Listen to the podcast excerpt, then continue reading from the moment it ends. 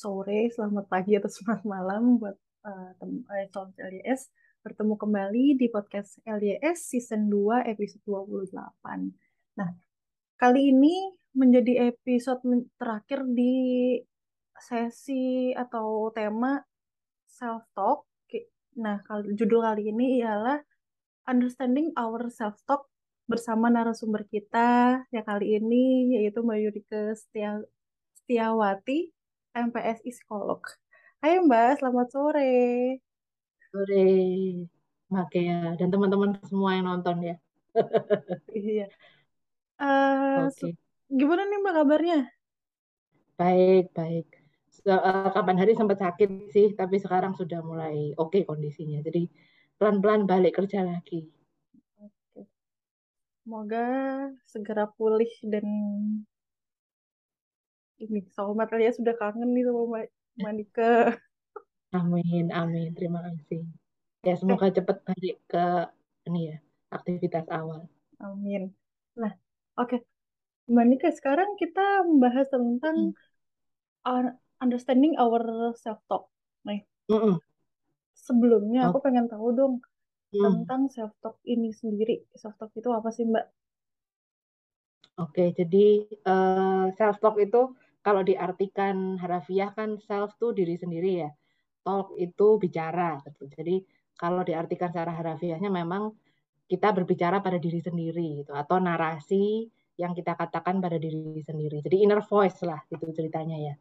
Nah, self talk itu memang munculnya bukan kata-kata seperti kalau saya ngobrol sama Mbak Kea begini ya, tapi lebih ke bentuknya pikiran. Jadi orang lain juga nggak bisa lihat karena uh, kita ngomong sama diri sendiri dan uh, pikiran itu bisa munculnya tentang macam-macam gitu ya temanya. Bisa tentang diri sendiri bisa tentang orang lain atau tentang situasi mungkin yang terjadi di sekitar kita. Jadi sebetulnya self talk itu memang merefleksikan pola pikir gitu ya atau uh, kemudian emosi atau perasaan kita. Bahkan nantinya itu juga bisa tampak di perilaku. Gitu. Jadi self talk itu penting sekali dan kita nggak bisa lepas dari yang namanya self talk gitu Oke. Terus mm-hmm. bagaimana sih caranya untuk memahami self talk yang kita lakukan? Iya, jadi self talk itu memang kita perlu kenal gitu ya sama diri sendiri kan. Tadi saya sudah sampaikan bahwa itu tuh refleksi dari pola pikir kita, kemudian perasaan dan perilaku yang pastinya unik gitu ya, beda satu sama lain gitu. Karena uh, apa pengalaman kita beda, kemudian mungkin kepribadian kita beda. Jadi akhirnya sangat individual gitu ya, sangat personal. Nah, kalau uh, tadi pertanyaannya gimana cara kita bisa mengenali ya? Atau gimana tadi pertanyaannya uh, itu bagaimana, ya, Mbak hmm, Bagaimana caranya memahami sosok kita? Memahami. Nah, supaya untuk memahami sama seperti kita memahami teman atau mungkin pasangan kita, atau mungkin anak kita gitu ya kita harus kenal. Jadi cari tahu dulu sebetulnya self talk kita tuh bagaimana gitu ya atau inner voice kita di saat-saat tertentu itu seperti apa sih gitu. Kalau perlu mungkin dicatat. Jadi yang nomor satu adalah mengamati diri sendiri dulu gitu. Jadi misalnya oh kalau aku di kantor atau mungkin di kampus self talkku tuh apa sih yang yang aku dengar tentang diri sendiri? gitu misalnya terima hasil ujian. Nah, itu apakah ketika aku terima hasil ujian yang nggak terlalu bagus misalnya nilainya? Atau mungkin kalau di dunia kerja terima hasil evaluasi atau terima kritik dari atasan itu apa sih yang aku sampaikan ke diriku sendiri? Apakah aku jadi memukul diri dan merasa tidak berharga misalnya? Atau misalnya bentuk self talknya itu wah gagal deh. Wah nama aku nih orang gagal. Aku nggak mampu. Begitu gitu ya atau oke okay, kali ini aku memang gagal gitu ya diakui kegagalannya uh, diakui memang saat itu aku nggak bisa mencapai target atau mencapai nilai yang memuaskan dan ayo kita semangat lagi untuk memperbaiki ini misalnya. Nah itu kan self beda banget ya. Padahal situasinya mungkin antara orang satu dengan orang yang lain untuk teman-teman di kelas itu atau pekerja di divisi itu sama gitu dapat evaluasi, dapat kritik, dapat nilai yang nggak bagus misalnya. Tapi cara kita memahami atau point of view kita pada peristiwa itu bisa beda banget. Dan itu sangat mempengaruhi self talk gitu. Jadi kenali dulu gitu ya. Apa sih yang sering muncul di pikiran kita? Kalau perlu dicatat gitu ya. Kapan munculnya kayak tadi situasinya mungkin terima hasil evaluasi atau terima nilai gitu ya atau mungkin itu ketika memandang diri kita di kaca misalnya. Nah, itu kan situasinya bisa lain-lain. Jadi apa yang kita sampaikan ke diri kita juga bisa beda-beda gitu. Jadi nomor satu itu kenali dulu. Cari tahu dulu apa yang aku sampaikan. Karena kadang-kadang memang kita nggak sadar sih. Kalau kita nggak betul-betul ada intensi untuk memperhatikan atau mengamati diri sendiri itu bisa kayak lewat aja gitu. Oh, berarti kalau hmm. misalnya kita nggak terlalu aware atau tidak terlalu mengenal diri kita hmm. itu cukup bahaya juga ya untuk self talk itu sendiri iya. ya. Betul, betul. Jadi uh, apa ketika kita nggak mengenali self talk itu kalau misalnya tadi kayak misalnya yang dicontoh sebelumnya ya ketika terima nilai atau terima evaluasi, kemudian kita ngerasa gagal, ngerasa nggak berharga, lalu kemudian melakukan hal-hal yang negatif, misalnya uh, jadi misalnya ya jadi minum minuman keras misalnya untuk menenangkan diri atau mungkin apa melakukan hal-hal negatif lainnya gitu ya untuk membuat rasa sakit itu pergi ya self harm kah atau kita merasa nggak berharga lalu muncul pikiran untuk bunuh diri nah itu kan bisa bisa ke mana-mana yang negatif gitu ya. Dan kalau tidak disadari itu bisa bisa langsung apa ya seperti otomatis masuknya ke perilaku yang seperti itu karena berkaitan semua antara pikiran kemudian perasaan atau emosi kita lalu ke perilaku tadi yang saya sampaikan di depan. Makanya untuk menghentikan eh, perilaku-perilaku yang mungkin jadinya impulsif gitu ya atau mungkin perilaku yang kita lakukan tanpa pertimbangan lebih dulu karena hasil dari pikiran negatif itu awalnya adalah menghentikan pikiran-pikiran ini. Mengenali dulu gitu ya lalu kemudian bisa dihentikan nantinya gitu oh, oke okay. uh, berarti bisa berhubungan sama kepercayaan diri juga ya mbak kalau misalnya kita iya, terlalu mengerti itu betul betul jadi misalnya tadi yang saya sampaikan di contoh kan bisa beda-beda ya situasinya. Kayak tadi situasinya uh, dapat nilai atau dapat kritik. Sekarang misalnya saat kita menghadap cermin misalnya. Nah ini cewek-cewek biasanya ya. Ya meskipun ada sih cowok yang begitu ya. Tapi kebanyakan yang lebih rentan tuh perempuan tentang body image misalnya. Jadi kayak kita ngadep di kaca di rumah habis mandi gitu ya dandan. Terus kita biasanya lihat wajah ya kalau dandan. Ih pipiku tembem nih aduh hidungku kok agak bulat ya sekarang ah sperma aku nih nggak menarik nggak nggak apa penampilan fisikku nih biasa banget nah nasib ini memang nasib deh kayak gini dapat dapat wajah kayak gini dapat badan yang nggak kayak model nah itu kan narasi-narasi yang kita ucapkan ke diri sendiri ya nah gimana caranya nanti kita bisa pede kalau kita ketemu pasangan misalnya atau kita ketemu orang yang kita taksir misalnya kalau kita sudah sering mengatakan itu pada diri sendiri. Gitu. Nah, itu yang nanti akhirnya mempengaruhi kepercayaan diri juga. Oke, Mbak. Gini, menarik hmm. nih.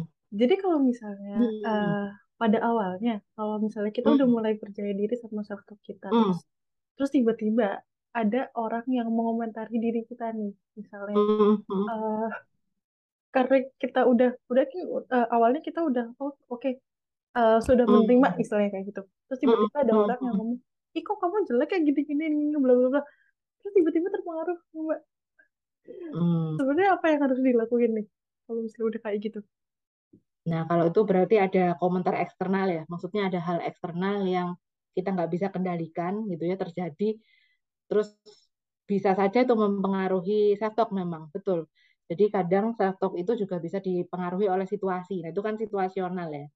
Kita kadang nggak bisa kendalikan apa yang orang lain lihat di kita. Nah, kalau sudah begitu, berarti kembali ke apa yang bisa kita kontrol gitu. Jadi kita mesti memilih kita mau mendengarkan komentar buruk ini atau kita ya memilih untuk move on gitu. Jadi ya udahlah dia ngomong gitu ya sudah tidak dijadikan referensi gitu ya. Kalau hmm. kita uh, terlalu mendengarkan pendapat seperti ini itu kan bisa merusak diri sendiri gitu ya. Kecuali mungkin dia juga memberikan saran misalnya, eh warna lipstikmu kok kurang bagus ya di kamu kayak misalnya gitu ya ya kita bisa nanya kalau kita mau mengubah itu jadi agak positif tanya aja. Kamu menurut kamu yang positif di aku eh yang yang bagus di aku apa sih? Kalau ini nggak bagus ya? Nah itu kan akhirnya jadi problem solving ya. Oh kira-kira yang bagus yang ini loh warnanya. Nah, kita coba cocok nggak? Oh cocok. Jadi kita apa komentar seperti itu mau kita jadikan baik atau buruk sebetulnya pilihannya juga di diri sendiri gitu ya. Nah, makanya hmm. self talk yang positif itu perlu supaya ketika kita menghadapi situasi yang nggak terduga itu tadi, kita sudah punya cadangan yang positif gitu tentang diri kita. Sudah membangun image yang positif tentang diri sendiri. Itu kan perlunya self talk tadi ya.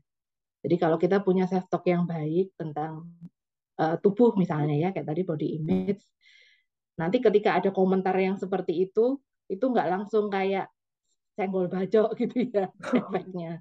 Jadi kita masih punya cadangan, ya masih percaya pada image yang kita bangun tentang diri sendiri bahwa kita positif kok.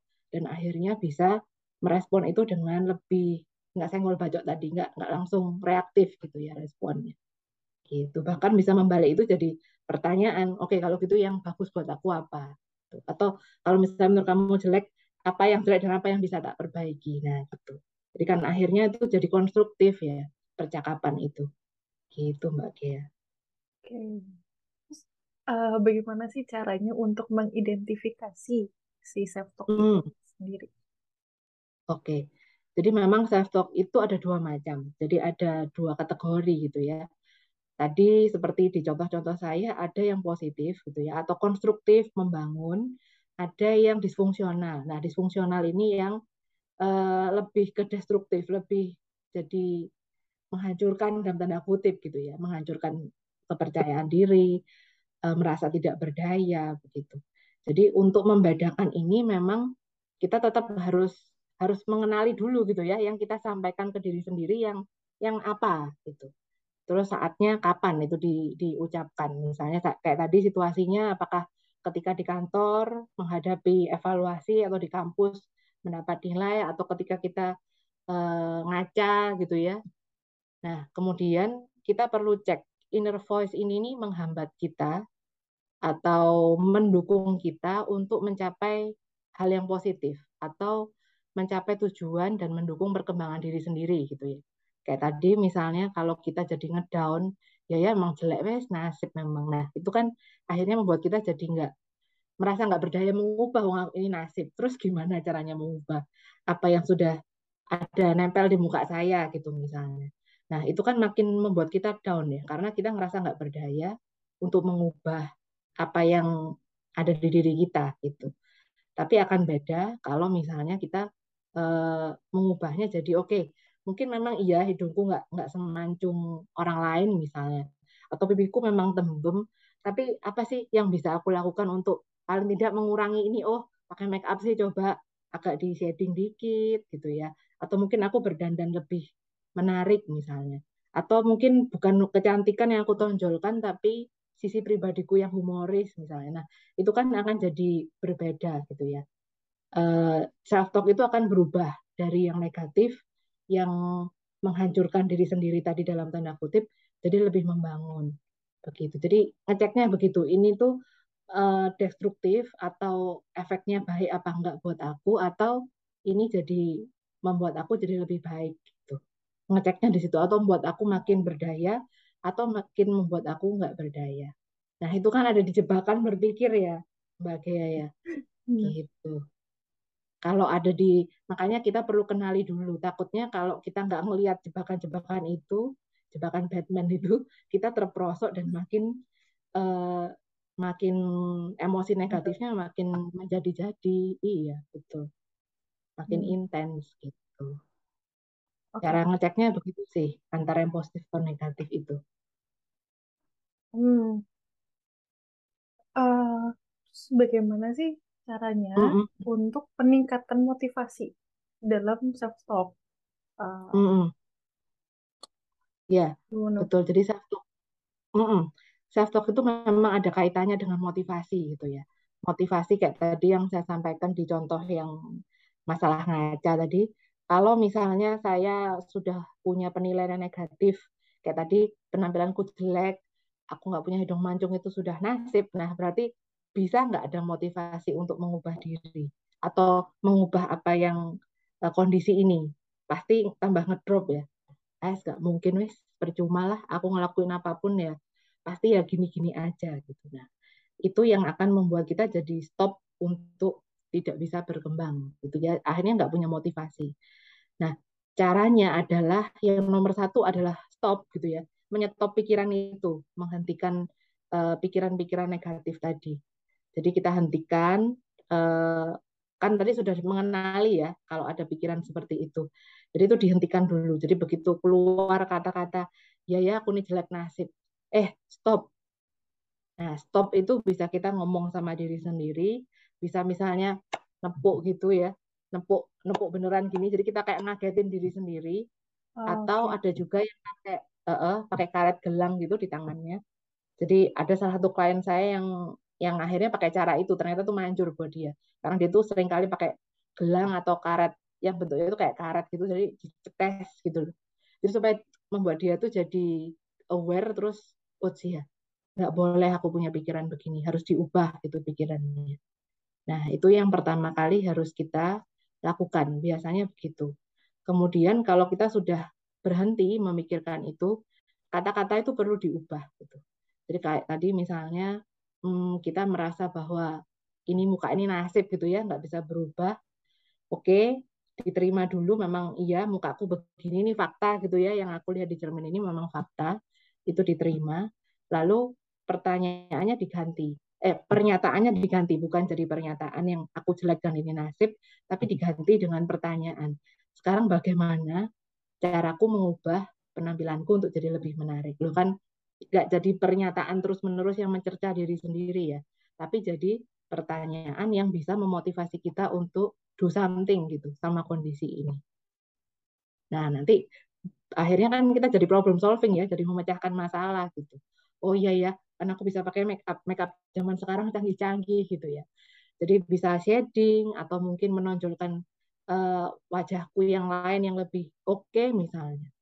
Atau mungkin tadi itu uh, apa nggak hanya kecantikan kelebihanku ada sisiku yang lebih lebih menonjol misalnya humoris gitu ya. Kita tipe orang yang luas ngobrol. Nah itu kan akhirnya jadi jadi nggak ngedown lagi karena hanya penampilan atau karena body image kita yang buruk misalnya jadi memotivasi kita untuk berubah jadi lebih baik dan merasa lebih berdaya gitu mbak Gea. Oke, berarti juga uh, berperan penting untuk melakukan hmm. itu sendiri ya berarti ya. Jadi uh, untuk menyadarkan diri sendiri juga uh, kalau misalnya eh udah nih jangan kayak gitu kayak gitu kan. Jadi kayak iya, iya. kita juga yang harus betul. menghentikan menghentikan itu kan ya.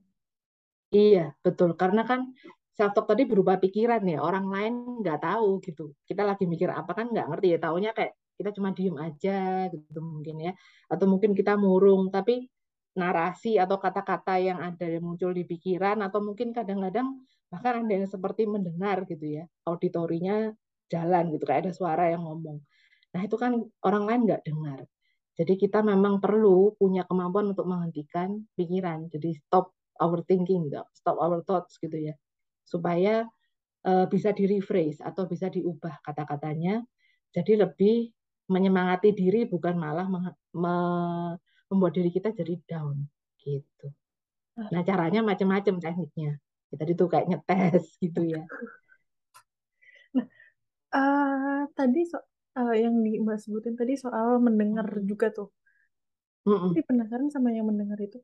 Nah berarti selama ini kalau misalnya kita kita tiba-tiba mendengar mendengar kayak oke lagi mikirin sesuatu terus tiba-tiba ada mm -hmm. dua dua suara nih ada dua suara mm -hmm. kalau misalnya kalau misalnya di sinetron mungkin ada gambaran malaikat sama oh. setan gitu ya kayak gitu jadi yeah, yeah, yeah. itu sebenarnya memang ada atau gimana sih mbak iya iya bisa begitu karena kan sebetulnya self talk itu uh, juga bagian dari pengalaman hidup kita gitu ya jadi self talk itu memang dibentuk dari pengalaman kita di masa lalu ya, pengalaman masa kecil pastinya ya.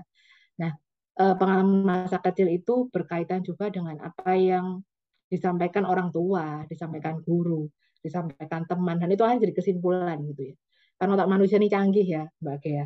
Jadi bisa me, bisa menyarikan semua kata-kata kita di yang kita terima di masa lalu dan itu jadi referensi akhirnya. Nah itu yang eh, kalau sampai parah gitu ya, sampai betul-betul merasa nggak berharga, merasa akhirnya kesimpulannya seperti itu ya, merasa nggak berharga aku nih nggak layak itu kan artinya ada sesuatu yang uh, menyakitkan terjadi di masa lalu. Nah itu nanti kaitannya sama trauma. Nah itu yang nanti akan diproses di biasanya kalau trauma sudah nggak bisa menolong diri sendiri biasanya begitu butuh bantuan gitu ya butuh support yang lebih uh, besar gitu lebih profesional untuk menangani kasus trauma. Biasanya begitu sih. Tapi memang iya kadang-kadang uh, suara-suara itu tuh suara dari masa lalu kita. Jadi yang negatif itu biasanya dari pengalaman kita yang traumatik gitu tadi atau mungkin pengalaman yang sangat gak menyenangkan itu. Kemudian yang positif itu bisa jadi memang ya kita sebetulnya aslinya nih orang yang optimis sebetulnya begitu kan ada ya yang memang sebetulnya aslinya temperamennya dia itu temperamen orang yang mudah beradaptasi. Tapi karena situasi lingkungan dulu ketika tumbuh di keluarga tidak mendukung akhirnya jadi apa jadi ada peristiwa-peristiwa trauma atau yang nggak menyenangkan. Yang akhirnya membentuk eh, apa ya membentuk bagaimana dia melihat dirinya sendiri gitu.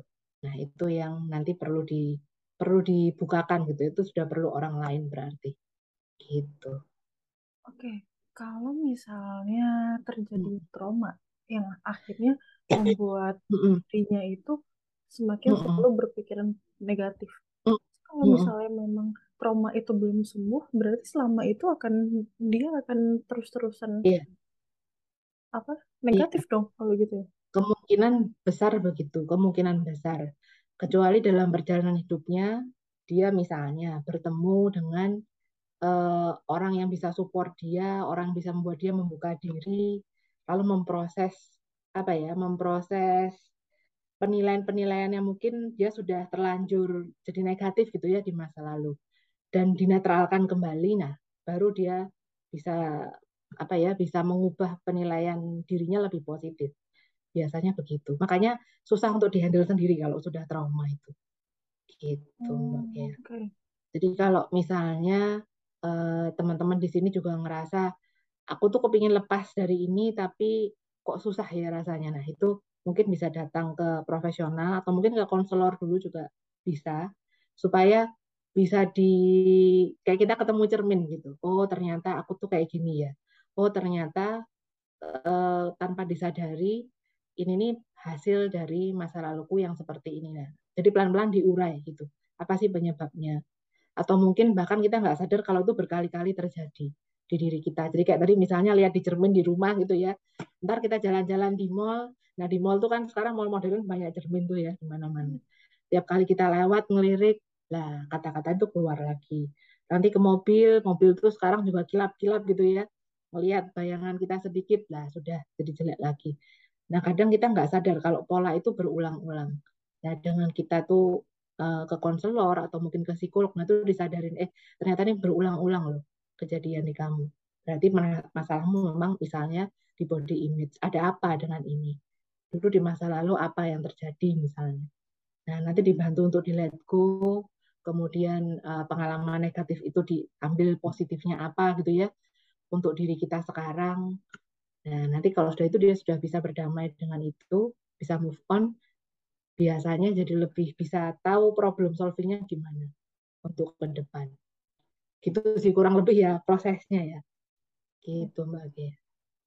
Terus uh, untuk yang memang belum pernah melakukan self talk nih, mm gimana sih caranya untuk memiliki self talk yang baik, Mbak? Uh, biasanya ya orang-orang yang punya self talk yang positif itu ada karakteristiknya. Yang nomor satu itu biasanya orang yang realistis sama kondisi dirinya. Jadi punya self talk yang positif itu bukan berarti dia anti stres gitu ya. Enggak, tetap dia akan stres tetap akan uh, down gitu ya bisa tetap ada potensi depresi jadi bukan berarti kalau kita punya self talk yang positif itu kayak anti semuanya negatif gitu enggak ya Itu saya disclaimer dulu. Jadi nggak harus begitu. Jadi yang nomor satu yang harus kita punya gitu ya kalau mau punya sosok yang positif itu harus realistis sama kondisi diri sendiri kalau memang kita gemuk ya memang diakui kita gemuk gitu ya kalau kita memang punya fisik yang misalnya hidungnya pesek nggak terlalu mancung kayak saya gini nih pipinya tembem gitu ya ya itu diakui gitu bahwa itu memang mungkin kelemahan kita kemudian yang kedua punya harapan atau tujuan yang jelas kemudian tahu cara-cara yang spesifik juga untuk mencapai itu misalnya memang Anda memutuskan bahwa fisik yang kurang oke ini perlu diubah gitu ya. Oke, karena aku sekarang memang posisi badannya gemuk nih, aku perlu lakukan sesuatu supaya aku mau misalnya tampil lebih cantik, pakai baju-baju yang lebih modis misalnya. Berarti tetapkan tujuan, tujuanmu mau apa gitu. Misalnya oke, okay, aku pengen nurunin berat badan berapa? Nah, kan spesifik ya. Oke, aku menurunin berat badan 3 kilo dalam waktu satu bulan. Nah, itu kan spesifik sekali Oke, caranya gimana? Lalu disusunlah cara-caranya. Jadi selain mereka realistis, itu tadi tahu uh, apa yang mau dicapai, apa yang mau dituju, itu ya goalnya apa, kemudian caranya bagaimana. Kemudian yang ketiga, percaya bahwa dia berdaya. Nah, ini yang tadi saya bilang juga ada di trauma gitu ya. Orang-orang yang mengalami trauma itu biasanya percaya bahwa dia nggak berdaya. Gitu. Jadi itu yang dengan konseling, dengan support dari keluarga atau teman-teman yang dia percaya, itu bisa di restore ulang gitu ya kalau komputer itu. Jadi di diyakinkan bahwa kamu tuh bisa loh mengubah kondisi ini. Bukan berarti kamu nggak bisa ngapa-ngapain gitu. Jadi penting sekali kepercayaan ini bahwa aku berdaya dan punya kemampuan untuk mencapai tujuan yang aku set tadi, yang aku tetapkan tadi. Kemudian yang keempat, kita perlu belajar untuk peduli gitu ya penuh kasih sayang dan penghargaan pada diri sendiri. Karena kita nggak bisa kontrol situasi yang ada di sekitar kita gitu. Kayak tadi tiba-tiba dapat uh, dapat apa tuh dapat kritik eh kamu kok nggak nggak cantik sih pakai baju ini misalnya. Atau eh kok gini sih kok gitu sih gitu ya. Kalau kita nggak punya rasa peduli nggak punya penghargaan pada diri sendiri itu tentunya kayak bom yang dilempar yang kita nggak siap terima gitu ya pasti menghancurkan uh, diri sendiri dan percaya sama yang negatif-negatif itu. Padahal belum tentu orang yang ngomong negatif itu ke kita tuh memang tujuannya untuk mencerca misalnya, belum tentu juga. Tapi bisa jadi memang kita nggak masalah sudah cantik, tapi memang karena ya dia kepingin jelek-jelekin kita aja terus ngomong kayak gitu. Nah itu kan bisa juga ya. Kita nggak tahu intensi orang lain menyampaikan itu apa kan kita nggak ngerti. Itu di luar kendali. Makanya yang perlu kita latih adalah itu tadi peduli, kemudian penuh kasih dan menghargai apa yang kita punya gitu, entah itu kelebihan atau kelemahan gitu ya. Dan jadi sahabat yang baik buat diri sendiri. Bukan jadi sahabat yang mencerca gitu ya atau makin apa membuat kita jadi ngerasa nggak berdaya gitu. Jadi kalau mau mengubah self talk kita jadi positif, coba lakukan hal-hal ini gitu ya. Jadi coba sih realistis sama kondisi kita, kemudian punya harapan. Kalau memang itu nggak sesuai harapanmu ya, coba sih apa yang bisa kamu lakukan untuk supaya itu bisa jadi paling tidak jadi terwujud lah untuk kita versi kita sendiri gitu ya. Gitu. Dan yang pasti itu harus diawali dengan self awareness tadi.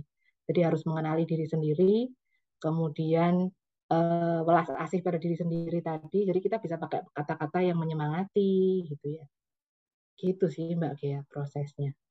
Jadi memang kita nggak bisa disamakan semua semua orang ya gimana Iya, betul. pandangan kita, terus apa yang terjadi pada diri mm -mm. kita itu juga akan mempengaruhi terhadap self self diri kita sendiri. Oh, iya, betul betul.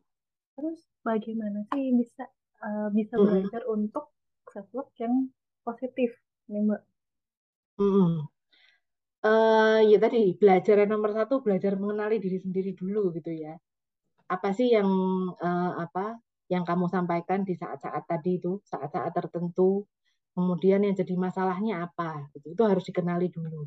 Kemudian kalau sudah dikenali dicatat lalu kemudian kalau bisa diubah tadi kayak aku merasa uh, aku merasa nggak mampu nih menghadapi ini oke berarti di rephrase atau diubah kata-katanya Nah, bagaimana caranya supaya aku bisa menghadapi situasi ini misalnya. Nah, jadi kata-kata itu yang bisa mengubah kan hanya diri kita gitu ya. Nah, gimana caranya kita bisa mengubah kalau kita nggak kenal kata-katanya itu kata-kata apa yang kita sampaikan ke diri sendiri gitu. Jadi step pertama self awareness dulu. Amati diri sendiri dulu gitu ya. Kalau misalnya anda merasa aku terbatas mengamati diri sendiri, coba minta bantuan teman yang kamu percaya atau minta bantuan keluarga yang dipercaya juga boleh. Jadi supaya mereka bisa membantu uh, untuk ngobrol gitu ya. Biasanya kalau ngobrol kan kita juga jadi oh iya ya ternyata aku juga kayak gini orangnya gitu. Jadi seperti kita punya cermin buat ngobrol itu juga bisa membantu supaya self awareness kita meningkat. Tapi ya cari orang yang support ya, jangan cari orang yang tadi kritikal sekali sama kita nanti malah tambah ngedown gitu. Jadi supaya orang-orang yang kita apa yang bisa memberi masukan baik tadi bisa memberi support gitu. Yang positif bahwa kita tuh nggak hanya negatif aja tapi punya banyak hal yang positif yang kita nggak sadari gitu. Lalu itu diproses. Gitu Mbak ya jadi step hmm. pertama eh, step pertamanya adalah self awareness lalu nanti kalau sudah aware baru kita bisa menerima gitu ya, mengakui. Jadi menerima atau mengakui itu bukan berarti kita suka loh sama fakta itu. Kayak misalnya saya mengakui bahwa saya memang gemuk. Nah, apakah saya suka gemuk? Ya enggak gitu ya. Tapi kan saya mengakui bahwa kelemahan saya itu misalnya. Atau memang saya gagal dapat nilainya misalnya 30 gitu ya. Nah, itu kan nggak bisa nggak bisa juga dibilang itu berhasil atau kayak nggak ada masalah gitu ya kenyataannya memang nilai itu bermasalah dan memang itu gagal. Nah, tapi kan bukan sampai di situ saja titik gitu kan enggak ya. Bagaimana caranya saya move on dari sini gitu. Jadi ditambah dengan pertanyaan di belakangnya. Gitu. Berarti lebih mencari solusi yang harus dipecahkan untuk ya, betul. mengatasi permasalahan-permasalahan itu ya. Betul, betul. Karena kalau kita tuh bisa menyelesaikan masalah itu, kita jadi ngerasa berdaya kan. Nah, berdaya ini loh yang penting untuk uh, mengubah self talk yang negatif-negatif tadi jadi lebih positif dan makin satu jadi kan self talk itu berbagai, berbagai macam ya. Ada self talk soal body image ada self talk soal kemampuan gitu ya. Ada self talk lagi soal bagaimana kita berrelasi dengan orang lain tentang trust issue. Nah itu macam-macam gitu ya tergantung pengalaman kita bagaimana dan saat itu kita sedang menghadapi apa. Nah, tapi kalau kita tuh punya uh, punya penilaian yang positif sama diri sendiri, itu tuh jadi lebih jadi lebih mudah gitu memperbaikinya. Gitu Mbak Gea. Oke. Uh, hmm. Aku minta closing statement dong untuk Soulmate LYS hmm. tentang judul kali ini. Oke. Baik, jadi dari saya teman-teman, kalau saat ini Anda masih punya atau merasa gitu ya, tadi mengenali, oh ya ya ternyata self talkku masih banyak yang disfungsional. Itu nggak usah khawatir, nggak perlu makin down, gitu ya. Jadi ini bisa diperbaiki. Jadi self talk itu bukan terus kalau aku negatif ya negatif selamanya gitu ya, enggak. Jadi bisa diperbaiki, bisa dibuat jadi lebih baik, asalkan Anda mau menghadapi diri sendiri dengan awareness tadi ya. Jadi mau untuk masuk ke diri sendiri dan mengenali sebetulnya uh, self talk yang negatif apa gitu dan nanti itu akan jadi langkah awal Anda untuk sembuh gitu ya atau move on dari self talk yang negatif tadi. Dan kalau misalnya memang sudah kewalahan menghadapi kondisi ini, Anda selalu bisa datang ke profesional gitu ya atau ke konselor di komunitas-komunitas gitu ya, termasuk salah satunya LYS juga ada konselor yang akan membantu Anda untuk jadi cermin gitu sebetulnya problemku ada di mana. Nah, semoga dengan itu Anda jadi lebih ngerasa berdaya, kemudian mampu move on dari kondisi yang mungkin sudah membuat Anda kewalahan itu. Gitu dari saya, Mbak Dea. Oke, sedikit uh, aku simpulkan dari pembicaraan kita kali ini, yaitu self self talk itu berpe sangat berpengaruh terhadap semua apa yang terjadi dalam diri kita. Kita hmm. mempunyai kendali penuh untuk mem, untuk untuk terus memperbaiki self talk itu dengan Betul. dengan hal-hal yang positif ya. Terus uh, jika memang ada trauma yang memang hal, belum terselesaikan, mungkin kita harus mengenali itu terlebih dahulu agar si Mm-mm. self talk itu bisa menjadi positif ya. Iya, betul, betul, Oke. betul. Point. Terima kasih untuk Manike udah udah Sama-sama, mau berbagi dengan Soulmate LDS nih. Oke, sip. Terima kasih juga uh, untuk Soulmate LDS yang sudah menonton podcast kali ini. Uh, Soulmate LDS juga bisa mendengarkan, mendengarkan podcast ini di Spotify uh, Love Yourself Indonesia dan jangan lupa untuk terus mengikuti Instagram Love Yourself Indonesia. Di sana ada berbagai konten-konten yang mungkin dibutuhkan oleh Soulmate LDS. Oke, okay. uh, sampai jumpa di podcast selanjutnya dan terima kasih sekali lagi buat Manika ya. Sehat-sehat terus. Bye-bye. Ya, sama-sama Mbak Dea. Saya juga. Bye-bye semuanya.